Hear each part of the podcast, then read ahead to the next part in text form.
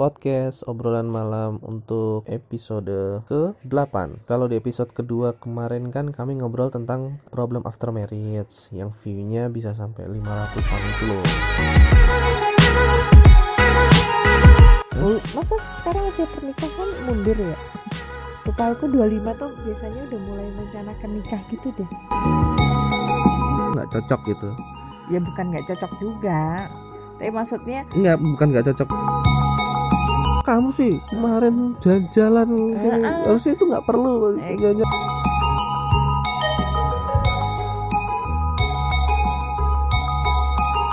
Padahal kan podcast obrolan malam kan bukan siapa-siapa gitu. Kenapa? Eh, pendengarnya bisa sampai 500an Nah itu karena judulnya pakai sok-sok British gitu Problem after marriage. Maaf ya om-om tante bule Mungkin banyak yang tertipu nih dari judulnya ya kan? Karena judulnya bule diklik pas dengerin Eh ternyata bahasa Indonesia. Ya itu mohon maaf ya I'm sorry, I'm sorry ma'am, I'm sorry sir. If you click my episode Problem After Marriage That can you cannot hear in English but in bahasa. Em, Kalau di episode kali ini mirip-mirip sebenarnya Tapi bukan hanya problem problem after marriage tapi juga tentang eh, sebenarnya lebih fokus ke usia-usia rentan sih ya. Ya rentan sama semua ini sih kayak problemnya gitu loh. Sama kadang ada ya membicarakan ekspektasi sama ininya juga gitu-gitu loh, Hun. Iya jadi eh, lebih ke arah apa ya misalnya kayak tahun-tahun kritis kan Iya tahun-tahun kritis, tahun-tahun krisis tentang pernikahan gitu di kan. pernikahan itu. Heeh, kami kan baru tujuh tahun nih, gitu kan. Udah mulai ya mul- mulai merasa sedikit ada percikan-percikan yang lebih besar dari percikan sebelumnya, ya kan. Iya, Kamu ngerasa kayak gitu nggak? iya. Iya kan? Maksudnya kita sudah eh, menganalisa gitu kayaknya di tahun pertama kok kayak gini, tahun berikutnya seperti ini kayaknya mulai kita kayak udah ngelihat ada ada satu pola gitu loh. Mm-mm. Nah terus maka dari itu, Terus dili- ngelihat dari pengalaman sekitar juga sih. iya betul. Itu yang membuat kita meng- kayak menganalisa ada suatu pola gitu. Heeh, kebetulan kan eh, lingkungan di tempat tinggal kami ini Kayak Eh, sih. Iya tempat tinggal gua Widya sama tempat tinggal istri gua Rinawati ini itu tuh eh, apa ya ibaratnya kita tuh bisa dibilang paling muda ya Iya, kita salah satu pasangan muda di sini. Paling muda sih sebenarnya. paling muda kan Heeh. Heeh, karena karena yang ya memang kita sih yang paling muda nggak ada lagi yang paling muda dari kita pasangannya di lingkungan rumah perumahan ini Iya. iya ya gitu jadi ya kami di samping berdasarkan pengalaman pribadi juga kami mengamati gitu mengamati Sama mengamati baca-baca sih. sama baca-baca juga lah beberapa riset kecil lah gitu ya jadi cuman kita share tentang yang dengan pasangan yang mungkin usianya udah sama dengan lamanya kita juga tujuh tahun atau memang untuk teman-teman semua yang perencanakan untuk pernikahan. misalnya. berarti usia-usia 20-an lah ya 23 24 itu terlalu muda ya 27 Enggak lah sih. Oh, Masa sekarang usia pernikahan mundur ya? Setahuku 25 tuh biasanya udah mulai merencanakan nikah gitu deh. sebenarnya aku 25. salah satu orang yang yang pro untuk ini sih nikah muda. Enggak, enggak nikah muda. Gimana ya? Ya mudah-mudahan teman-teman yang merencanakan akan akan menikah dalam waktu dekat bisa mempertimbangkan beberapa hal ini karena terus terang dulu eh, kami ini tidak tidak segitunya gitu. Tidak segitunya untuk Merencanakan per- merencanakan kehidupan setelah menikah gitu kayaknya. Iya. Asal asal asal nikah aja Berlalu. karena karena memang pacaran kita udah lama aja waktu itu. Iya. Iya, jadi kayak ya udahlah ini mau ngapain lagi sih gitu kan kayaknya Heeh. mesti naik tahap selanjutnya nih gitu Takut keburu bosan ya? takut keburu bosan sama kamu juga udah mulai dijodohin kan waktu itu ya jadi eh, lebih ke arah ke- apa ya ibaratnya nggak cuma nikah nikah aja sih sebenarnya untuk keberlangsungan pernikahan yang ya. dewasa gitu. Ngerti nggak? Pernikahan yang dewasa. Soalnya banyak orang menikah tuh cuman asal ya udahlah ya kayak kita itu. Maksudnya kalau kita dulu kan karena memang udah terlalu lama ya pacaran Oh, ya. Iya pacarnya lama. Heeh, nah, nah, untungnya aja kami bisa bertahan sampai tujuh tahun gitu. Cuman memang nggak jarang nggak jarang. Yang cuman baru dua tahun tiga tahun udah bubar tuh nggak jarang gitu. Bahkan di lingkungan keluarga sendiri ada yang belum nyampe setahun udah pisah rumah atau mungkin sekarang udah cerai kali dia ya. Oh iya. jadi Hmm. dia tapi emang sih mesti kayak kan tapi pacaran yang lama juga nggak menjamin hubungan pernikahan langgeng juga sih. Oh iya betul. Makanya dari kedewasaan masing-masing itu tadi. Jadi kalau kalau saya kan kalau kita nih berdua nih itu kan waktu nikah memang tidak ada terlalu persiapan yang gimana gimana ya pokoknya nikah nikah aja gitu umur Pokoknya yang 25 penting nikah dulu gitu kayak. umur 25 belum ada Belum ada penghasilan yang, tabungan iya penghasilan yang Mm-mm. gimana gitu belum ada terus rumah aja belum ada gitu kan masih masih, Masih. ngontrak gitu Mm-mm. waktu itu cuman Kerja ngontrak kita juga. nggak lama ya untungnya setahun dong Heeh. nah, itu terus kayaknya serba dadakan serba gitu. dadakan gitu padahal pacaran udah lama gitu tapi nikah tuh kayak serba dadakan aja tuh tiga bulan doang kayaknya ya tiga ya pokoknya bulan kurang dari enam bulan sih waktu itu Heeh. ya kan pokoknya cepet gitu Pokoknya serba serba dadakan Heeh, semua nah nah untungnya kami berdua ini kan memang udah tahu gitu ya satu sama lain udah mau saling memaklumi gitu. Jadi kenal kalau- udah lebih dari berapa tahun? Kalau kenal kan dari SMP dari tahun 99 ya udah untungnya kita masih bisa. Nah cuman memang banyak orang yang kayak nggak bisa nerima gitu. Perbedaan ya. Maksudnya karena habis nikah itu berbeda gitu. Maksudnya ke- kehidupan yang kita lihat waktu pacaran tuh kayak dibalik gitu tau gak sih tiba-tiba jadi nggak dibalik banget sih menurutku. iya sih tapi tapi nggak secara physically memang kak- aku masih aku sebagai cowok kan makhluk visual ya maksudnya secara physically aku masih tertarik lah gitu sama kamu bukan tapi secara ini kebiasaan yang kita kalau tahun pertama itu yang paling berat apa sih me- menggabungkan dua kebiasaan ini loh iya nah ini meng- meng- meng- eh, justru kita mulai ngobrolin tentang tahun-tahun kritis nih iya ya kan? tahun-tahun kritis. kan- kalau di Hmm. episode 2 kan nggak dibahas tahun-tahun kritis nih buat orang-orang yang sudah di tahun itu usia pernikahannya atau yang akan menikah nih bisa tahu nih bisa handle. Jadi nggak nggak kamu aja yang ngalamin gitu Iya. banyak yang ngalamin Iya, jadi ketika kamu mengalami sebuah problem di dalam pernikahan nanti, eh, nggak cuman lu kok yang punya problem kayak gitu gitu. jangan ngerasa jangan ngerasa pasangan kamu tuh yang terburuk bukan Bukan, bukan. Karena banyak orang beranggapan bahwa ah ternyata setelah nikah ternyata dia kayak begini gitu kan, bla bla bla. Udah kayaknya gua nggak cocok lagi. Enggak, bukan gitu. semuanya hampir semua mengalami sih. Eh, eh, eh, karena di- nggak ada yang sempurna dong. Mesti, biasanya orang menikah kan punya ekspektasi gitu ah ki- kita bakal hidup bareng terus kayaknya semuanya bakal bahagia gitu eh, kan eh mesti tiap pagi aku ngelihat dia bangun tidur Eh, di tapi beneran aku lu gitu. dulu Tapi itu? pas awal doang kan? Coba Iya. sebulan ke berikutnya. Masih kayak gitu nggak? Enggak.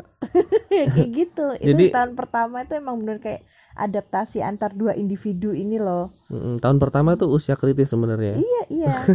Ya, adaptasi antar dua individu itulah yang kenapa berbeda ada ke- gitu. itulah kenapa ada kejadian yang eh, ber- belum ada setahun udah ngerasa nggak cocok. nggak cocok terus pisah ranjang. Itu tadi yang saya, aku ceritain Eh, ada gitu loh. iya, ada ada ada ada sih, orangnya ada gitu orang. ada pelakunya gitu. Dan nggak cuma satu dua sih kayak oh gitu. iya nggak cuma satu dua. Terus tapi ini Hun boleh sebenarnya kalau misalnya pisah gitu tapi ketahuannya setelah nikah misalnya suka mukul itu emang harus pisah kalau menurutku.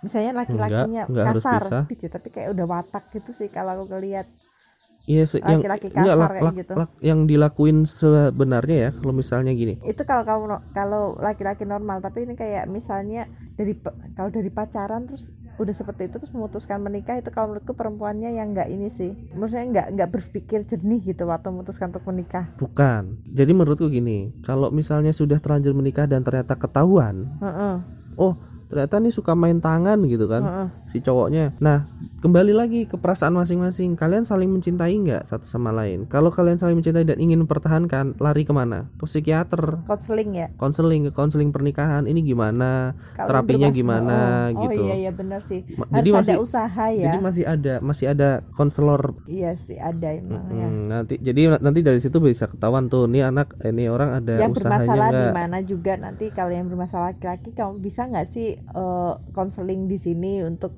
untuk anger manajemennya gitu-gitu kali iya, ya. Heeh. iya benar. Jadi ya, ya itu tadi ada tahap-tahap yang dilakukan sebelum memutuskan untuk oke mas, aku cerai aja gitu.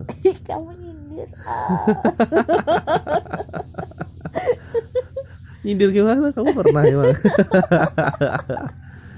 ya Rina berapa kali lah ngomong gitu. Cuman aku masih bisa apa ya? Nggak, kalau laki-laki nggak boleh bilang gitu. nggak boleh kalau Itu- a- itu. aku soalnya sadar sepenuhnya bahwa laki-laki tuh nggak nggak boleh asal nyebut "Oh, karena kata di agama kita tuh bener-bener nggak boleh kata-kata itu keluar dari mulut laki-laki deh. em, tahun pertama pernikahan ya kan Ya, itu usia-usia kritis tuh penyesuaian gara-garanya Iya, terus harapan yang tinggi saat Mm. udah menikah terus tiba-tiba down itu juga bisa bikin dia ngerasa kayak nggak cocok menurut dia padahal ya enggak gitu kan. Mm-mm.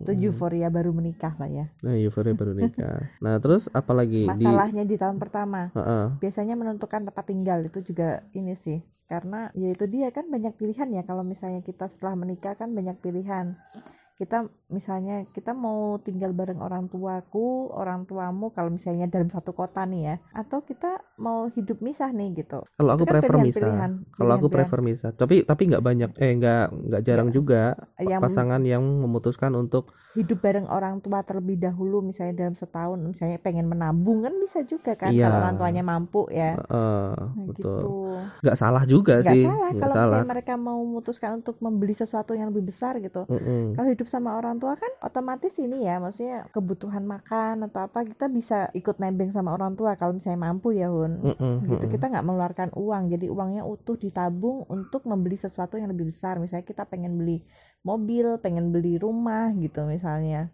atau pengen Iya, membangun DP rumah lah gitu ya. membangun rumah kalau misalnya udah disediain tanah Oh iya. gitu misalnya ya orang kan orang Betawi itu kebanyakan gitu enak tuh. iya Oh, Ini tanahnya udah ada udah lu bangun aja gitu kan. Atau bahkan udah bikin rumah juga. iya kebanyakan gitu Enggak sih cuma orang Betawi deh, orang Jawa juga gitu. kebanyakan orang tua tuh selalu punya Enggak, tapi aku nggak gitu nanti ke Pantu. Aku malah tak suruhnya beli yang deket-deket kota aja. Misalnya ya bukan tak suruh sih, maksudnya eh kalau dilihat kemampuan anaknya kira-kira ya ini finansialnya bagus ya gitu, jadi maksudnya. bleber nih masalahnya. Ya udah Ya balik lagi. skip aja lah.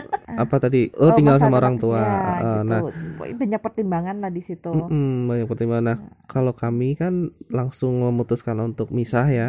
Karena ya memang kebetulan beda kota semua iya beda kan. kota semua. kamu Dan tinggal memang di mana kerjanya di Jakarta ya udah kita cari kontrakan kan waktu itu. mau nggak mau karena kita emang Uh-uh. tanpa ta- kayak tanpa tabungan gitu tau gak sih Mm-mm, Kita- mm-mm. jadi mau nggak mau Jadi kayak kan. yang gajianku tuh kayak yang sebulan habis sebulan habis gitu waktu itu kan. iya Jadi untuk ya biaya hidup sama yang lain-lain lah ya uh, uh, terus habis itu ya udah kita memutuskan untuk kontrak karena aku pikir untuk nggak jadi tinggal sama mertua atau ortu gitu. Karena kamu ternyata nggak cocok gitu. ya bukan nggak cocok juga tapi maksudnya Enggak, bukan nggak cocok dalam artian oh aku nggak suka sama orang tuamu. Enggak, tapi maksudku ya ada lah pasti gitu kan beberapa hal yang kira-kira kamu kayaknya nggak beda nih pemahamannya, alirannya, genrenya kan, tuh beda karena, nih karena gitu di awal kan.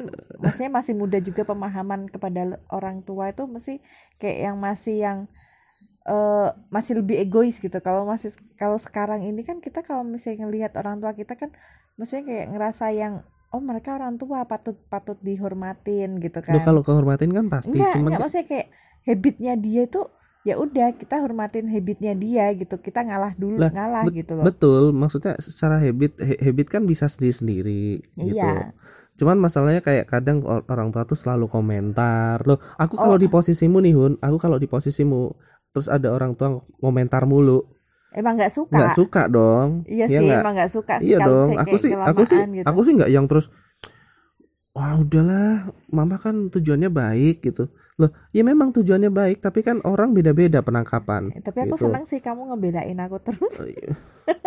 Ya nggak terus juga sih, kadang aku juga marah kan kalau Kalau Kamu- aku keterlaluan.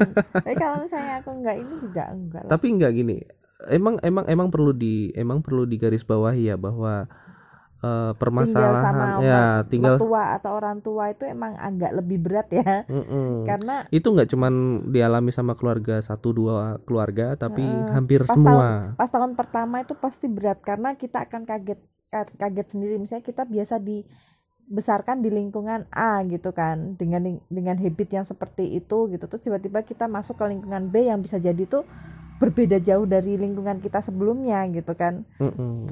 terus kita dipaksa tinggal sama mereka itu tuh bener-bener yang loh kok gini sih perasaan kalau di rumahku biasa aja nggak kayak kalau kayak gini masih normal-normal aja nih gitu maksudnya kayak bukan gitu kan. sesuatu yang jadi catatan bu ya kalau ya kayak gitu salah, tuh salah satunya bangun siang sama inilah ma- mandi mandinya Man- siang ya itu jadi kayak Oh. beban beban loh sebenarnya itu kayak gitu Oh. walaupun masalah sepele nah soal ke- apa yang Gini, lain-lain kalau di kasus kami ini kan based on pengalaman kami dan pengamatan ya Mm-mm. kalau di kasus kami itu aku lebih bisa masuk ke keluargaku keluarganya karena lebih Rina daripada Rina masuk ke habitnya keluargaku karena karena aku kan cowok nih ya dari ya. keluarga PNS juga ya cowok yang dari kecil eh, kayaknya mamah tuh kayaknya ibu mamahku tuh sangat memplot gitu.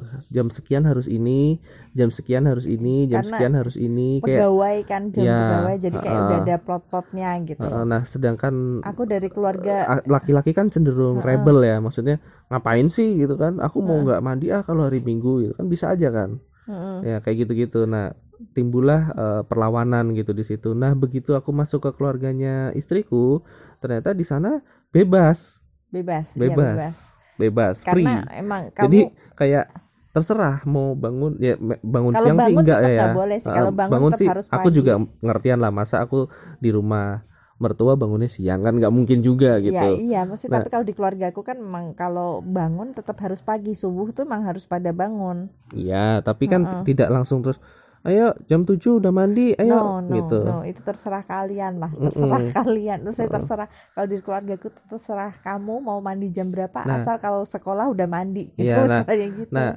aku tuh lebih gampang masuk gitu Heeh. ke ke habitnya keluarganya istri karena memang typically cowok tuh kan ya gitu. Ma- ma- males aja maksudnya males aja diatur-atur gitu. Nah, da- aku di keluarga yang jarang ngatur tiba-tiba masuk ke keluarga ngatur. Nah, itu ini itu ini satu Oh. kalau hubungannya ini kalau dikaitkan dengan eh, Rina masuk ke keluargaku itu agak eh, gimana ya? Agak sedikit kok gini gitu ya kan ada perasaan gitu kan? Iya, di awal iya. Di awal, di awal Iya, ya. di Kalau awal sekarang sih kan udah udah biasa. wah, udah enam tahun gitu kan, enam tahun lebih udah penyesuaian lah. Nah, pas awal-awal emang agak kaget sih kayak misalnya, oh ini harus naruhnya harus rapi, terus ini Nggak boleh miring. sini nggak boleh miring. ini nutup toples tuh harus begini caranya. Wes. Tutup toples harus segini. Iya, Taruh even iya. mama tuh kan even eh, eh, cara naruh Iya, perfeksionis Mam. naruh gelas aja harus harus di meja Begitu. ini terus ada posisinya ada- gini ada gitu. Misalnya kayak kayak misalnya kalau bikinin teh itu harus pakai lepek ada tutupnya Nah, biar iya. kayak gitu. itu itu sebenarnya sebenarnya sebenarnya mungkin adat Jawanya Bagus, kental ya bagus sopan juga ya kan sopan, sopan orang. tapi aku kan sebenarnya nggak masalah kok dong iya nggak bener nggak aku kan sebenarnya nggak masalah kalaupun kamu cuman ngasih gelas doang tanpa ada lepeknya Mm-mm, tatakannya tanpa ada tutupnya kan nggak masalah dong. Mm-mm. cuman memang orang zaman dulu. Untuk menghormati Untuk menghormati atau caranya yang lebih begitu. tua emang caranya seperti gitu. itu. Kalau aku pribadi nih nggak masalah. Rina mau bikinin teh cuman gelas doang. Keliling keliling keliling nih mas teh nggak masalah aku. Aku nggak merasa yang Sebenarnya terus di nggak keluar- dihormatin. Sebenarnya di keluargaku tuh seperti itu juga tapi Hmm. Eh maksudnya kayak ibuku tuh kayak kalau bikinin bapakku juga pasti pakai tutup dan Hmm. pakai lepek karena emang Hmm. waktu bawanya panas sama Hmm. ditutupin karena takut ada lalat gitu Hmm. aja sih Hmm, sebenarnya hmm, bukan hmm, yang hmm. keharusan Hmm. kalau misalnya mau langsung diminum ya nggak usah nggak apa-apa Mm-mm. nah nah gitu hal-hal ya udahlah itu banyak lah ya poin-poinnya ya eh, kok jadi beber ke situ itu sih salah itu salah satu salah satu salah dua poin-poin yang kira-kira bisa bikin eh, problematika dalam satu tahun pertama gitu ya kan? Yes, iya. Terus masalah ini sih paling finansial kita tiba-tiba kaget gitu. Misalnya waktu habis sebelum nikah kan kita mungkin mikirnya kalau misalnya kayak kita ya misalnya Hmm. tanpa tabungan kalau yang udah mungkin anak sekarang sih beda lama kayak kita ya mungkin enggak sama aja. kayak gitu. Sih kalau misalnya udah belum punya tabungan tuh kita kaget gitu. Oh iya ternyata kebutuhan rumah tangga tuh nggak sedikit loh. Ya nggak sih? Ada belanja bulanan ya ya sebenarnya kita udah realize itu cuman kita waktu sebelum nikah kan kayak positive thinking aja kan kayak cukup cukup, lah gitu. cukup lah kan- gitu kan Heeh. masa Tapi- segini nggak cukup kan gitu kan Nggak, tapi tiba-tiba kayak misalnya dulu kan kalau kita misalnya kamu kan pendapatan kamu segitu misalnya, Hmm. tapi kan kamu cuma untuk membiayai diri kamu sendiri gitu. Tiba-tiba kalau ada belanja beras, belanja apa, belanja apa yang butuh kebutuhan pokok itu jadi membengkak gitu. Nggak membengkak kita tuh di jalan-jalan sebenarnya. Waktu awal-awal juga. sih. sampai sekarang juga sih. Enggak ah, jalan-jalan ke mana sih? ya dulu waktu tahun tahun pertama kan emang habit kita kan udah kayak yang Sabtu Minggu tuh ya buat jalan-jalan gitu kan. Iya sih karena meskipun masih naik motor suntuk. tuh waktu itu ke mana-mana ya kan. Iya. Wah, ke enggak ini kita bahas orang apa yang di sekitar kita aja gitu. Oh iya iya jangan lebar ke situ terus gitu. Ya kayak gitu Hon terus padahal sebenarnya di tahun pertama itu kita juga harus merencanakan misalnya orang anak jangankan kita aja misalnya beberapa pasangan tuh masih merencanakan untuk beli proper- properti tapi habitnya kadang masih yang kayak masih single gitu masih jalan jalan sering jalan-jalan atau mungkin nggak terlalu kepikiran masalah masa depan gitu loh Mm-mm. kadang kadang seperti itu kadang Heeh. at least di lingkungan kami ya Heeh. gitu ya itu itu kadang kalau pas lagi nggak pas lagi nggak ada tuh bikin nggak ada uang tuh bikin cekcok padahal pas dihabisin bareng juga kan? Iya. Itu. Sering kan cekcok? Iya. Beberapa ya masih masih kaget lah dengan pengaturan finansial karena Iya. belum ada belum ada Kayak- kayak- ramu belum ada ramuan yang pas gitu kayak langsung nyalahin gitu kan pas Heeh. lagi nggak duit kayak kamu sih kemarin jalan-jalan sini Heeh. harusnya itu nggak perlu Eh, jalan-jalan karena gitu. belum Lah, ada kan ramuannya sama kamu juga jalan-jalannya. Iya iya maksudnya karena misalnya mereka misalnya berdua kerja nih gitu. Ah. tapi eh mereka tuh kayak kita tuh kayak belum menemukan satu apa ya komposisi penggunaan uang secara ini loh Nah, ideal gitu. gitu. Atau ideal kan beda-beda tiap ideal orang iya ya dong. Ideal tiap orang masing-masing kayak gitu. Misalnya mau join income atau mungkin mau uangnya kamu biayain kehidupan rumah 70 aku 30 misalnya karena aku Heeh. perempuan misalnya kayak gitu atau Heeh. 50 50 misalnya Heeh. seperti itu kan. Terus kalau udah join income di situ kan nanti untuk kebutuhan rumah tangga untuk kebutuhan nanti nabung apa gitu kan eh, kadang berbeda juga. Lah itu bisa jadi konflik gitu karena setiap orang kan prioritasnya Ya, beda-beda. itu itu tahun pertama ya. Tahun pertama itu ini ada nih di lingkungan kita yang mengalami hal ini nih ada sampai nih. ribet banget wah sampai ribet banget. Itu nih juga ya ada. apa ada nih enggak jadi memang memang memang semua semuanya tuh kayak mesti dihitung gitu. Dan dan mereka itu tuh bagus. dan mereka tuh teliti gitu orangnya satu sama lain. Itu bagus. Iya. Pas udah teliti gitu jadi kayak masing-masing loh kok aku ngeluarinnya kebanyakan segini gitu ya. kebanyakan gitu, kan? Kayak misalnya harusnya 70% jadi kok aku 75% ya bulan? Kayak gitu. Jadi sampai segitunya gitu sampai segitunya nah hal-hal macam hal-hal hal-hal kayak gini tuh salah bisa satu pemicu memicu untuk gitu itulah konflik lah kenapa gitu, tahun sering. pertama menjadi tahun rawan tahun rawan justru kalau bisa melewatin tahun pertama sih biasanya ya udah heeh, lumayan, Lumayan lah, harusnya. bisa bertahan heeh, saling memahami dua tahun lah. tiga ta- nah misalnya tahun pertama ternyata banyak penyesuaian nih ya kan banyak Mm-mm. konflik gitu kan terus bisa handle setahun lewat tahun kedua tuh udah lebih sedikit konfliknya Mm-mm.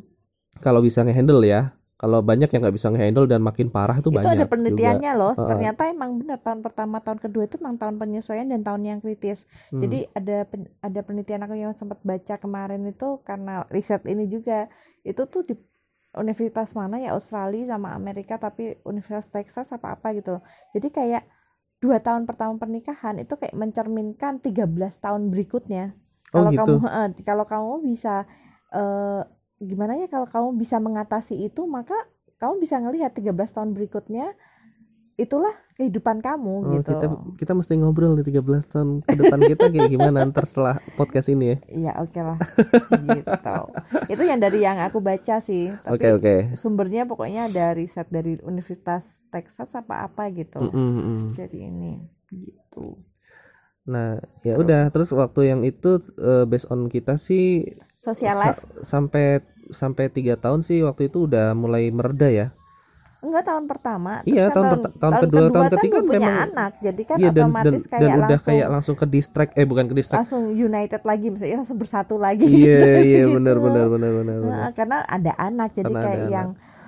Oh ada Oke. ini ada satu ma- satu makhluk ya. Satu makhluk yang harus kita jaga bener-bener dan kita harus kompak gitu. Nggak boleh nggak boleh nggak nggak boleh coba-coba untuk yang aneh-aneh gitu. Iya. kita pokoknya tujuan kita sama nih kan harus anak tujuan sama kamu pengen anak kamu pintar kamu pengen anak kamu sehat walafiat gitu Mm-mm. udah itu satu kan kamu apa bapak iya ibu iya istri iya ayah jadi iya, minim minim gitu. konflik lah waktu itu minim. Ah. justru waktu udah ada anak minim konflik ya sangat karena sangat minim karena kita mau- udah fokus ke sana sih iya sih karena waktu mau bertengkar juga kan lihat anak lucu nggak jadi nggak jadi eh, terus iya gitu lah kayak misalnya anak nih ya kan ya ya kebetulan itu juga. ya. anak itu juga bisa jadi ini loh konflik iya itu juga dia. loh. Makanya kan makanya kan berbeda cara menanggapi makanya orangnya kan sih. kalau kami kan eh, merasa bahwa dengan adanya anak kita bisa minim menyamakan konflik. menyamakan persepsi Gitu. karena kita tapi waktu ada itu. juga yang enggak. Ada yang enggak. Kenapa? Karena misalnya karakteristik waktu tinggal sama orang tua tuh juga bisa.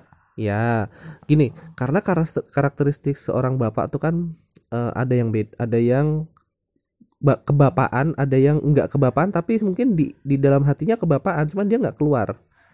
Ngerti nggak? Jadi gini, misalnya kayak aku nih, aku kan kalau misalnya sayang akan sesuatu ke anak, ya itu kan bener-bener kayak nunjukin kan, Mm-mm. nunjukin misalnya, oke aku sayang sama anak gua, gua gendong-gendong, gua nyanyiin kamu apa segala kamu itu macam. ini sih pak kalau kamu tuh eh, jiwanya kebapaan plus ada keibuannya Mm-mm. ya itu makanya Mm-mm, Nah, nah kalau kan banyak orang yang yang, yang waktu dingin yang dingin. dingin jadi dia masih beranggapan bahwa oh bapak ya pokoknya cari duit aja provide ke- tanpa kebutuhan mau. tanpa mau terlibat. Misalnya kayak Mm-mm. Ah gue mau nyebokin Ya, anak dulu gitu kan ya. Heeh. kan ada tuh nah itu itu sebenarnya yang lebih besar kesempatan untuk konfliknya di situ ya karena, karena, ibu merasa merasa ya sendiri karena Ibu ibu merasa merasa berjuang sendiri, sendiri tanpa dibantuin padahal menjadi ibu tuh sangat Yap. sangat sangat capek yap, yap. Dan Gitu. dan aku kan ketolongnya di situ kan. Ketolongnya tuh kan aku mau repot gitu. Iya kamu mau waktu repot itu. waktu dia bayi Heeh, mau repot misalnya. Ya, aku tuh bahkan sangat senang ya kalau misalnya nyuapin. Nyuapin tuh Mm. gue seneng banget. Jadi sensasi sensasi waktu udah abisnya tuh Iya, kayak menggembirakan iya banget ya. bener. Iya. kayak wah aku berhasil nih masukin makanan ke anak gua gitu. Makanan yang gue beli pakai duit gaji gua gitu kan masuk ke dia dan ah lebay banget. Nggak nggak tapi emang itu perasaannya perasaan iya sih bahagianya ada di situ bahagia sih. kalau udah anak memakan. Terus ini Hun di tahun pertama itu selain punya anak nggak punya anak pun bisa jadi masalah. Karena tekanan dari keluarga besar misalnya nggak usah nanya-nanya inilah nggak usah nanya kapan punya anak. Ya itu. Ya bagi kalian ya maksudnya kalau misalnya ada pasangan nih udah menikah setahun atau sebelum dua tahun setahun sebelum setahun gitu belum punya anak jangan nggak usah nanya-nanya deh. Mereka tuh pasti punya planning sendiri. Mau mereka biasanya ada yang emang nggak kepengen punya anak dulu tapi ada yang pengen punya anak tapi belum dikasih gitu. Itu Hmm. kasihan men bener. Kasihan banget loh. Mesti kerasa yang kok itu itu misalnya- itu dari sisi cewek sih iya enggak cowok juga sebenarnya iya kali cowok tuh lebih bisa nerimo kalau ada orang yang nanya gitu Enggak, waktu kita waktu dapetin anak kan juga enggak yang langsung kan ya. iya Itu juga kan ngerasa yang kamu 8 akunya bulan ya kita 8 bulan nikah baru hamil kamu ya lebih sih 9 bulan kayaknya. Hmm. 9 mau 10 gitu lah. Itu kan ngerasa yang tiap ketemu sama keluarga besar gitu misalnya ada acara arisan atau apa gitu kan pasti tanyain kan. Eh, udah isi belum? Gini gini gini gini gitu-gitu kan. Ya kan dan di situ tuh kadang ngerasa yang tuh temanku kemarin yang nikah bareng aku aja Udah pada hamil. udah mau lahiran gitu. Iya. kan Rasa kayak gitu kenapa aku enggak sih? Jadi kayak ngerasa ada yang salah gitu di diri kita. Hmm, kamu sempat konsultasi juga sama teman-temanmu ya dulu ya? Eh yang banyak. yang belum nikah juga eh belum hamil juga. Itu iya gimana gimana usahanya sih gitu ya? usahanya? Kamu ngapain apa ngapain itu dulu itu gitu? itu menjadi sebuah tekanan juga buat kamu ya? Iya. padahal buat aku nggak loh waktu itu. Ya, terus kan waktu itu aku sampai bilang gini ini kita tunggu sampai setahun. Kalau Hmm. misalnya setahun Enggak, belum gitu. udah dapat kita Program. harus program ke dokter nih gitu ya kan? Iya. Ya itu mesti kayak yang tapi buat cowok tuh eh, lebih lebih terbuka sih. Misalnya ada temennya yang nanyain eh gimana? Istri lu udah isi belum? gitu ya itu dia. Itu yang itu bisa jadi konflik tuh gini juga Hun. Suami ngerasa biasa aja istri Hmm. udah ngerasa yang nggak biasa aja lah. Kalau misalnya komunikasi mereka nggak jalan nih itu bisa jadi konflik besar juga. Oh kayak misalnya oh, kamu mandul ya? gitu enggak sih Oh. bukan masalah segitu ekstrim banget Hun maksudnya kayak gini Hmm. kok kamu nggak mau sih nganterin nganterin padahal baru setengah tahun nikah nih misalnya ya Heeh. kok kamu nggak mau sih nganterin aku ke dokter eh biasa aja itu kan kita baru nikah berapa bulan misalnya laki-laki Hmm. kayak gitu yang tapi perempuan tapi yang si cewek udah Ah, udah yang ngerasa khawatir ke mana-mana pikirannya takut Hmm. mandul takut apa takut ini itu gitu udah cross check ke bapak ibu ada yang mandul nggak sih di keluarga kita? Ya kayak gitu-gitu maksudnya. Terus mulai berpikiran buruk ke yang laki-laki juga maksudnya Mm-mm. ih suamiku mandul kali ya gitu. Maksudnya kayak Iya. gitu-gitu ada yang salah tapi dia santai-santai aja misalnya seperti itu. Itu kan satu bisa bikin konflik juga gitu. Apalagi kalau tekanan dari kedua orang tua misalnya kok belum punya cucu? Misalnya gitu atau gimana kalau dari keluarga kita enggak dong ya. Enggak. mereka santai-santai aja gitu. Santai. tapi ada beberapa keluarga yang seperti itu Eh, gitu. kita waktu kita waktu nikah buru-buru itu justru bapakku nanyain emang kenapa sih kok kamu nikahnya mau buru-buru? Oh ya iya. Dikiranya aku hamil duluan. Iya. Kayak sempat ada pertanyaan curiga gitu kagak. Ya elah gue tuh anak baik-baik pak. Anakmu ini anak baik-baik pak. Selalu memikirkan ya. Kok malah curhat?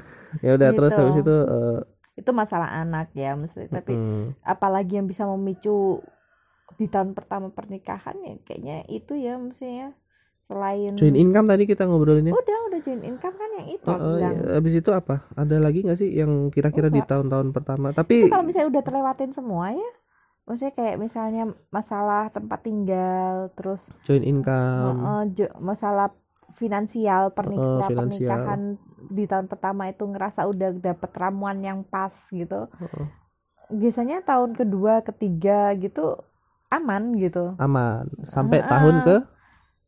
Ya kita nggak tahu. Tahun kelima tuh udah tahap kebosanan lah ya kalau ta- tahun kelima tuh udah yang bermain udah kebosanan ya. Bukan Iya. bukan se- sebenarnya mereka udah cocok tapi bosen aja satu sama lain ya kan? Iya sama mungkin kayak namanya menikah di Eh, namanya menikah di tahun pertama itu kan udah berat nih ya. Terus kan mereka kayak menek- menekan untuk bisa untuk bisa masih bermain itu kayak ada effort tahu nggak sih? Effort untuk menekan diri me- tidak melakukan apa yang mereka inginkan tahu nggak? Hmm. ya kadang itu tuh meledaknya di tahun kelima ke- mau keempat lima gitu gue udah baru meledak sabar gitu. kan. Iya karena gue udah mereka tuh sabar sama mas men- gitu. menekan tuh ber- udah bertahun-tahun istilah kata kayak gitu kan. Ya gitu. Ya kayak aku udah sabar mas nggak ngelakuin ini. Eh udah umur Iya. 2 tahun. Jadi usia pernikahan kita 2 tahun. Aku udah ngirit-ngirit misalnya tujuan mereka pertama apa sih mereka ngirit misalnya untuk beli rumah gitu kan beli properti gitu misalnya. Terus tiba-tiba eh di tahun kelima itu mereka belum punya hmm.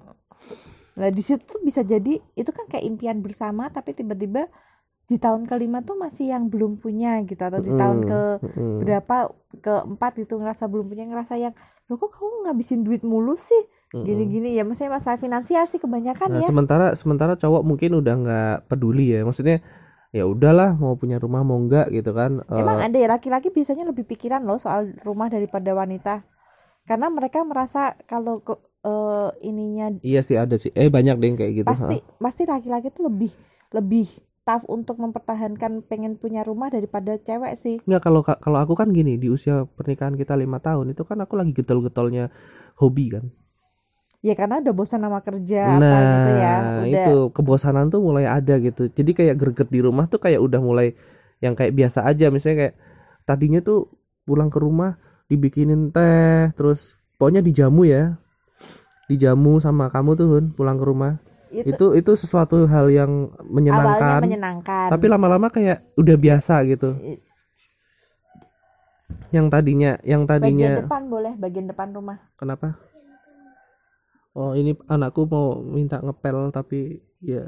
Di bagian depan rumah boleh jangan di dalam ya. Kamu bisa emang ngepelnya ya udah biarin dulu deh ya nggak tapi apa-apa bagian luar ya Mm. sorry ya ada distraction sebentar ke anakku pengen ngepel karena punya pel-pelan baru Eh, jadi eh, tadi kan lima eh gimana gue? Oh ya udah mulai bosen nih.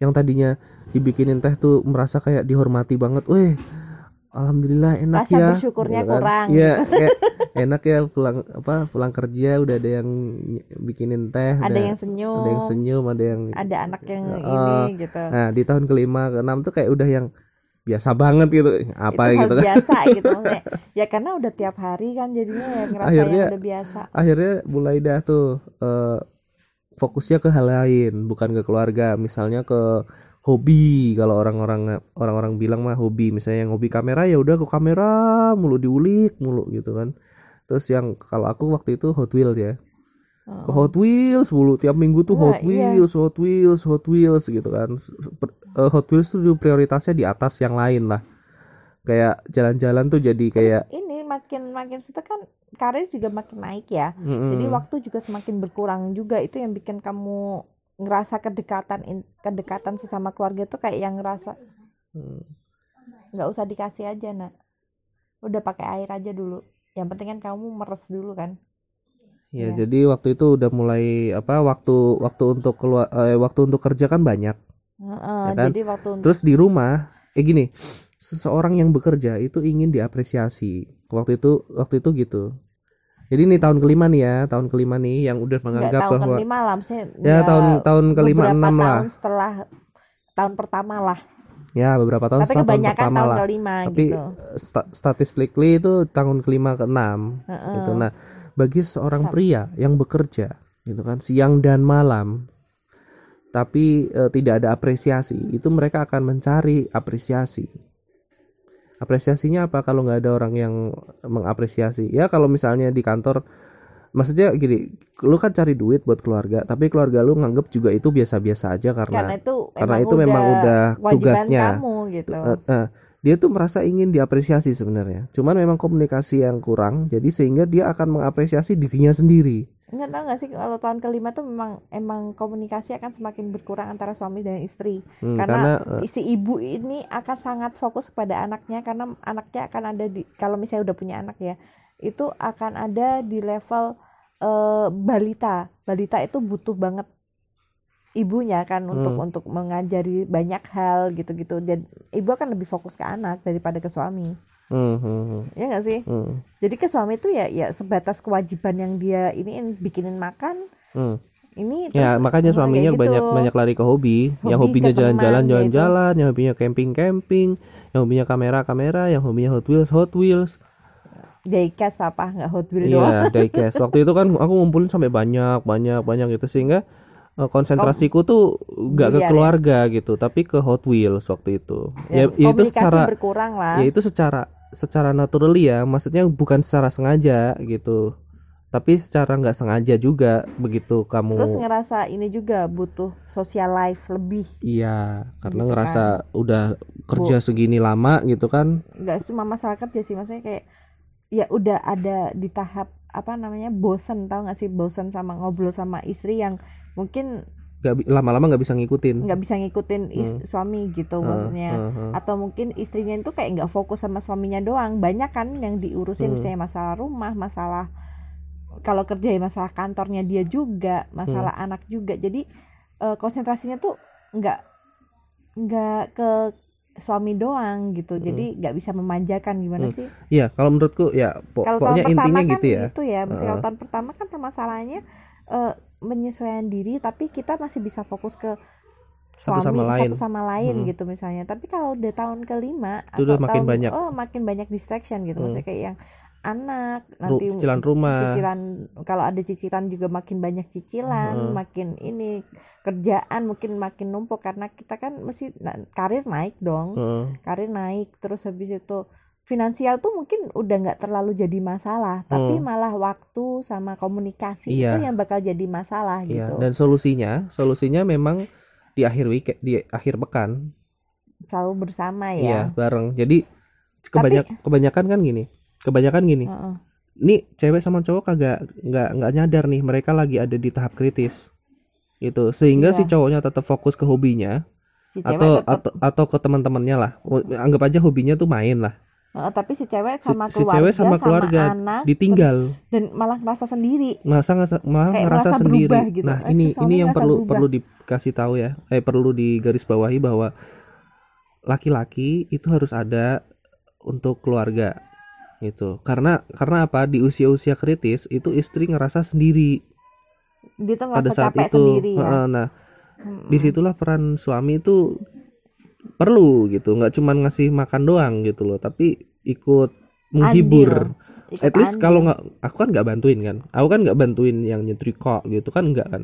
enggak Nah, tapi kan aku menghibur. Aku berusaha menghibur dalam artian udah nyetrikanya ntar aja lah gampang Masih kayak yuk kita jalan-jalan aja Jangan terlalu banyak nuntut juga untuk rumah misalnya sih kayak ya tapi itu udah habit orang beda-beda ada Nah, yang suka ini. at gitu. least at least aku tuh ada untuk menghibur lah gitu waktu itu Mm-mm. ya kan misalnya Nah. kayak udah nanti aja deh eh, beres-beresnya kita nonton TV aja dulu sambil ngobrol kan gitu kan Mm, sempet iya. tuh nah cuman ada kalanya memang aku di mana fokusnya tuh ke Hot Wheel mulu aku lihat aku lihat Hot Wheel di Tokopedia lihat Hot Wheels di Facebook lihat Hot Wheels Bahkan belanja bulanan pun cuma lihat Hot Wheels doang. Iya, belanja bulanan muter-muter tuh sendiri kalau sih? belanja bulanan di Tip Top atau di mana itu aku ke bagian Hot Wheels ke Carrefour kalau ada di- promo Hot Wheels di mana aja didatengin. datengin Oh my god, ya Allah, ada sampai masa itu. sampai pada akhirnya kamu untungnya kita komunikasi lancar ya untungnya Iya. jadi kamu kan waktu itu melampiaskan kan ya dalam tanda kutip marah lah gitu Iya. marah sehingga aku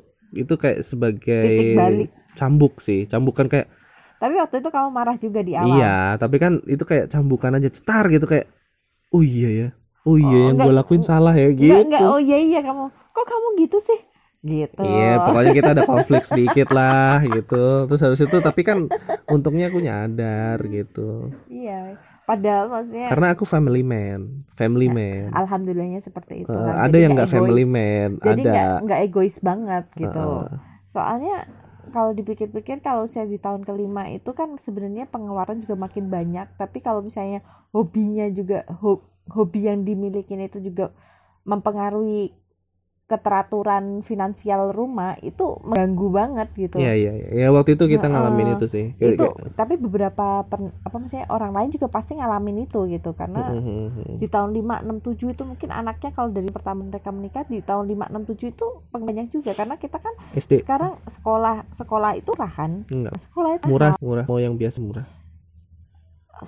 Kalau menurutku zaman sekarang mesti orang sudah melakukan survei untuk menyekolahin anaknya deh Enggak, tergantung lingkungannya. Iya, tapi maksudnya yang kita omongin sekarang lah pasti orang-orang yang denger kita tuh pasti seperti Iya, itu. Orang-orang gitu. yang dengar podcast ini pasti udah tahu lah gimana Ya, caranya gitu. memperlakukan anak gitu. Heeh, gitu. Masa makanya itu tuh jadi kayak eh, dihianati gitu. Hmm. Kalau bagi wanita kayak bagi bagi aku ya kayak ngerasa dihianati kok aku berjuang sendiri sih aku kayaknya sudah ngirit-ngirit untuk ini itu tapi kamunya kok malah hobi hura-hura. mulu gitu Oh, maksudnya oh. kayak gitu.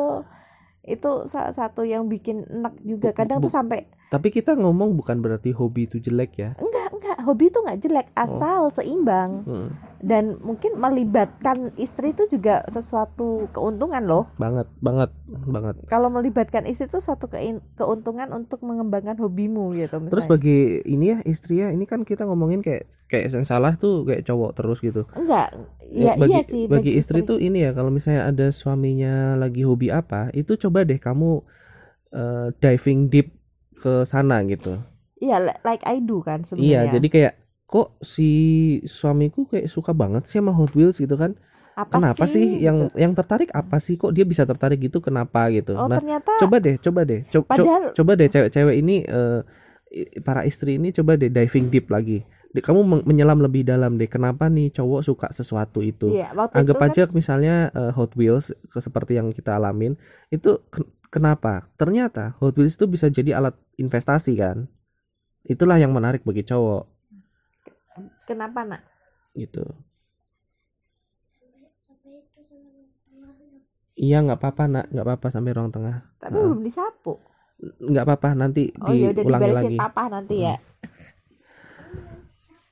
ya sapu dulu Nah terus eh, waktu itu kan em, apa tadi lah kan sampai mana kan jadi kepecah kan? diving harus Iya harus diving harus deep. Jadi si dulu istri gitu. ini jangan menganggap bahwa Hmm. oh hobi tuh ngabisin duit doang gitu. Ya kalau misalnya Enggak. berlebihan betul ngabisin duit doang. Tapi laki-laki tuh butuh apresiasi Enggak atas sih. kerjaannya dia dan para istri itu harus maklum, harus mul- mulai menyatu bahwa apa yang disukai dari suamiku ini, kenapa dia bisa suka banget sama kamera, kenapa dia suka banget sama Hot Wheels. Nah di situlah dia merasa kayak dapat partner gitu, ngerti Enggak nggak? sih Hun gini. Kayak iya partner itu sama biasanya ya ini yang aku ini yang aku lihat dari beberapa orang ya. Ternyata eh, laki-laki ini tuh kalau menyukai punya hobi itu tuh sebenarnya mereka tuh kayak punya propose eh punya tujuan gitu kayak punya Betul, tujuan kayak punya betul. tujuan untuk itu kebanyakan tuh finansial tujuannya betul tahu nggak sih misalnya bahkan batu akik nih batu akik. Bahkan batu akik pun mereka tuh berpikir untuk mengumpulkan batu akik yang jenis tertentu untuk dijual lagi untuk yang lebih mahal. Iya jadi terus kalau Hot i- kamu juga sama. i- either either uangnya itu nanti mau dipakai sendiri Atau atau apa atau gitu. buat apa. Tapi ada tujuannya. Hobi itu Tujuannya ada tuh tujuan kadang-kadang. kalau la- enggak kalau laki-laki kebanyakan seperti itu. Tujuannya itu untuk dijual lagi dan mendapatkan uang lebih banyak. Tapi aku nggak ngerti sama orang yang hobi mancing loh mancing itu bisa ada lomba mancing papa. Oh iya bener Itu oh iya bener kebanyakan tuh kayak gitu. Oke oke. Bahkan even mancing gitu. Hmm.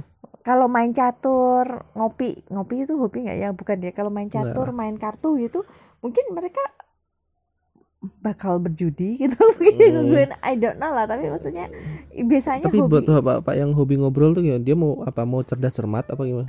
I don't know sih kalau bapak yang hobi ngobrol mah emang sebenarnya itu butuh butuh pengeluaran pikiran dan yang Oh. istrinya itu mungkin nggak bisa butuh ini. pengeluaran pikiran yang kurang kreatif sebenarnya nggak juga Hun mungkin dia tuh sebenarnya pengen ngeluarin unek-uneknya tapi istrinya nggak bisa iya gitu. tapi maksudnya i- in creative way lah ngeluarinnya Oh, ngerti iya. nggak maksudnya jangan cuman ngobrol di bawah pohon sambil ngopi ngerokok itu- dari pagi sampai siang gitu. Lah, enggak kan? itu Enggak itu gitu buang-buang kan. waktu. Nah tapi itu maksudnya makanya. yang nggak seperti itu. Maksudnya Heeh. kayak yang mereka tuh ngobrolin sesuatu biasanya orang-orang seor aku pokoknya setauku ya laki-laki normal lah. Laki-laki normal dari dari beberapa suami-suami yang aku tahu lah misalnya Hmm. itu itu kebanyakan kalaupun mereka punya hobi hobinya itu purpose-nya itu duit lagi gitu. Atau eh, mendapatkan benefit lebih lagi gitu. Misalnya benefitnya eh, kalau ngobrol tuh benefitnya ada lagi ini Jaringan. sosial jaringan sosial life iya iya oke iya sih anggap aja iyalah Ya, kalau misalnya kayak misalnya kamu ketemu teman-teman lama gitu. loh kalau itu aku nggak masalah Hun. Ya enggak, maksudnya kalau ini kan kita ngobrolin bukan masalah yang kita kita alami di sini, tapi whole, whole, whole makin thing. jelas Heeh, makin jelas whole thing. Oh sih, apa kebanyakan ya common orang lah, commonly common, heeh, gitu. ya. Kan kalau orang ngobrol tuh kan membuka wawasan juga, membuka ide juga gitu. Hmm, kalau misalnya hmm, hobinya hmm. ngobrol ya, ketemu Hmm. sama orang ngopi gitu misalnya. Itu kan membuka ide, membuka wawasan.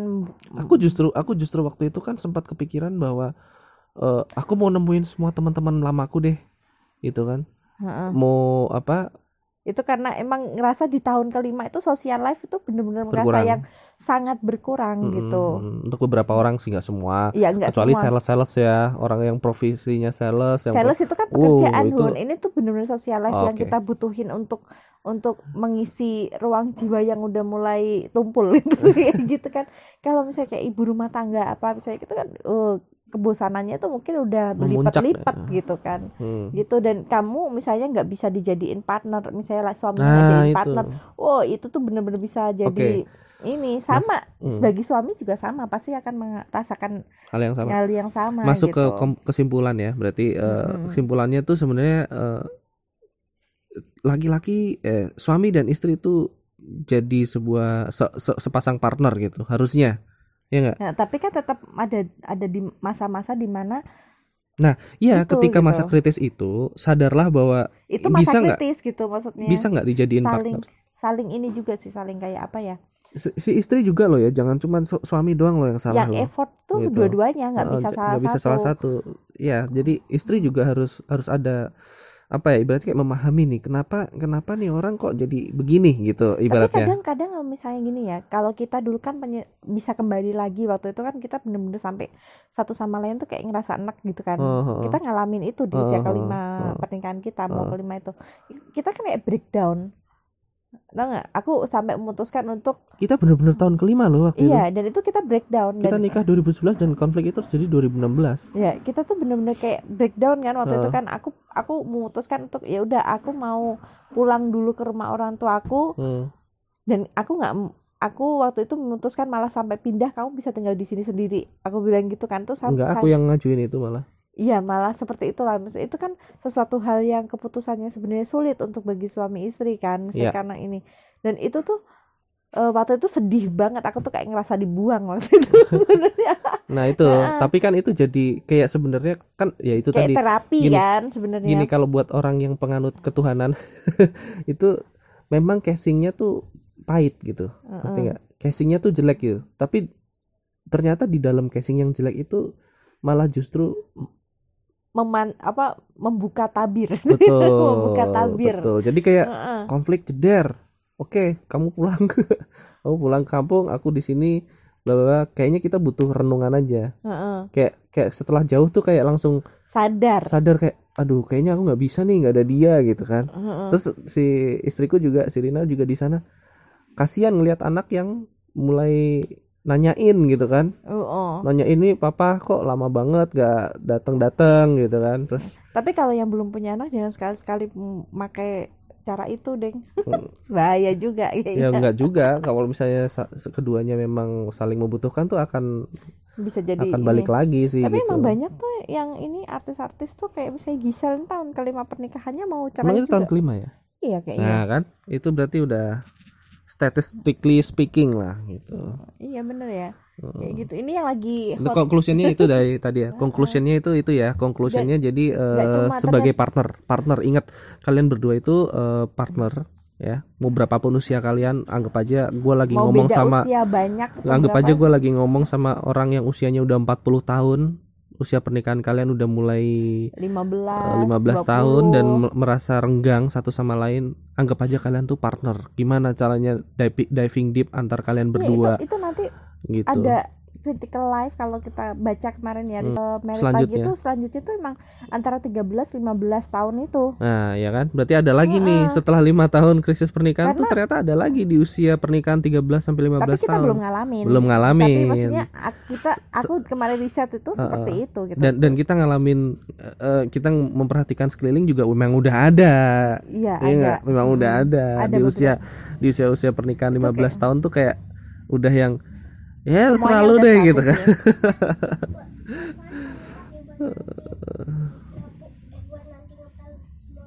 Iya iya. Mm-mm, jadi ya itulah usia-usia krisis pernikahan kalian harus sadar bahwa konklusinya gitu ya konklusinya jadi kalian semua harus sadar bahwa pernikahan tuh tidak selalu bahagia banyak hal-hal yang Jadi butuh effort butuh ya. effort satu sama lain nggak cuman cowok doang atau nggak cuman ceweknya doang tapi pernikahan itu adalah kerja keras Sama satukan tujuan sih. satukan tujuan ya Iya, kamu tujuannya apa nih? Tujuannya wealth, tujuannya kaya misalnya. Ya udah satukan tujuan aja gitu maksudnya. Jadi nggak nggak apa sih nggak beda-beda gitu. Kalau Iya, Mbak. beda-beda itu biasanya malah ini. Terus Nih, kata kuncinya itu kalau punya anak ya berarti tujuannya apa? Pengen anak ini ngerasa pengen anak ini sukses ya udah tujuannya satuin gitu. Hmm, ya itu tadi jadi jadikan kata kuncinya Partner. adalah partner gitu Partner yang baik untuk Hmm. tujuan itu gitu. Kalau tujuannya beda-beda bisa, bisa beda loh, Pak. kalau nemu partner yang baik eh, di luar bahaya soalnya iya nggak Aku nggak suka. loh ya kan kita nggak tahu. Makanya jadikan pasanganmu tuh sebagai partner Ya, juga. itu butuh butuh ini sih apa eh, kalau kayak gitu kan berarti butuh bukan konsisten. Apa ya kata-kata yang tepat ya? Jadi apa ya? Ah sudahlah. Nggak gimana sih kata ini? yang tepat sih Eh, soalnya. maaf ya pendengar ini memang agak-agak amatir. Nah. Tangan kamu kotor kan sorry ya ada distraction dari anak juga nih beberapa kali karena memang dia lagi sibuk Butuh. banget kayaknya. Eh, ini bapak ibunya masih di kasur buat bikin podcast sementara dia udah pengen ngepel. beraktivitas. Salah satunya ngepel nih kayak sama antusias mau banget ngepel. susu itu. Sama mau bikin susu dia udah bisa bikin susu sendiri. Ya udah eh, sekarang masuk ke email. Jadi alhamdulillah akhirnya podcast obrolan malam at gmail.com kepake. Em, makasih buat yang udah ngirim email ke podcast obrolan malam at gmail.com Eh, ingat ya conclusion yang dari tadi kita obrolin tentang usia-usia krisis pernikahan itu. Kata kuncinya adalah partner jadikan pasanganmu sebagai partner. Jangan sebagai eh, seorang yang mengganggu atau tidak mau mengerti. Baik cowok maupun cewek sama aja cewek eh, yang bagian istri harus mengerti kenapa suaminya begini yang suami juga harus mengerti keadaan istri yang selalu repot di rumah gitu. Jangan jangan jadi Itu orang yang egois. rumah tangga lah kalau ini. Heeh. pokoknya begitulah. Uh, nah Asal terus oke. Ya lu udah gede lah pasti udah ngerti caranya gimana. Nggak usah di dikte. Direct. Ya, ada email. eh bentar, gue mau bacain ya. Meskipun cuma satu nih, meskipun cuma satu, ini pasti dia akan menanggapi episode sebelumnya yaitu tentang liburan. Ya kan, kalau kamu dengerin episode 7 eh, atau podcast eh, isi perekaman podcast sebelum ini itu ada kami membahas tentang liburan short trip ya, short trip kami di, bisa dibilang short trip karena cuma dua hari, eh, ke Bandung doang. Dan di situ ada pengalaman yang berharga itu eh, dalam hal apa ya? Ya itulah. Dengerin aja deh. Jadi ini emailnya mari kita bacakan. Dari oh em, bang eh, jangan jangan disebutin namanya oke. Eh, temanya bagus nih Eh, lain kali bikin lagi dong yang tentang jalan-jalan. Seru banget kayaknya. Eh, buat hotel yang failed ya, buat pendengar kami di episode sebelumnya itu bercerita tentang kami mesen hotel dan hotelnya failed. Hotelnya itu jelek jadi kita memutuskan untuk check Check in check in 15 menit eh gini check in terus 15 kemudian 15 menit kemudian kita check out. Makanya di di email kali ini dia bertanya bahwa buat hotel yang failed kayaknya belum diceritain nih kondisi dalamnya emang gimana. Jadi bikin penasaran iya nanti gue ceritain sedikit.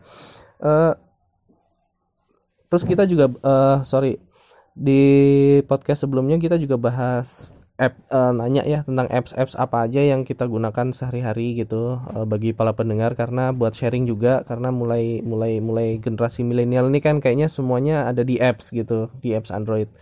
Jadi ini eh, si pengirim email eh, ngasih tahu dia menggunakan apps apa aja gitu sekarang untuk kehidupan sehari-hari. Ini eh, bang ini list apps yang aneh sering pakai gitu kan. Keep up the good work. Oh, oke keep up the nah, ini ini listnya nih ada Bitwarden password manager. Nah password manager perlu sih emang. Kadang kita lupa soalnya ya. Kita lupa kan. Nah ini bagus banget nih Bitwarden Bitwarden password manager. Google Calendar Organizer itu perlu buat yang udah di level-level manajer ya? manager. Buat level-level bawah kalau buat ibu rumah tangga paling kalau aku yang Iya. mo- money money manager kalau kalau gue sih kalau gue sih udah mulai perlu mungkin bisa diginiin ya. Kalau aku kan jarang meeting ya orangnya ya. Jarang meeting karena lebih ke teknikal itu mungkin bisa dipakai bisa dipakai di ini bisa dipakai di kamu menentukan purpose apa gitu. Misalnya kamu ingin mengasah technical skillmu di satu bidang tertentu kamu harus ada disiplin-disiplin apa nah itu bisa ditulis di kalender